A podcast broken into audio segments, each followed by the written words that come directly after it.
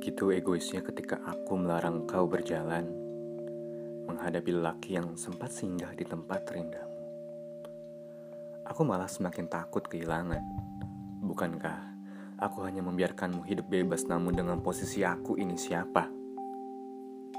Kedua tanganku ingin menggenggammu erat pada saat perjalanan pulang mengantarkanmu. Seakan bicara, jangan pergi, aku belum siap untuk mendengarmu bahagia. Bahkan, senyummu yang lagi-lagi membinasakan suaraku, kini terbayanglah mimpi ketika kamu bahagia di lamar seseorang. Aku ini bukan siapa-siapa, namun aku sanggup membuatmu nyaman selamanya. Tapi, lagi-lagi aku bahkan bukan pria baik. Namun aku masih tetap menjaga hati ini. Hingga komitmen untukku dan untukmu yang terasa penting menjadi sangat penting untuk dibicarakan dalam fase kedewasaan kita.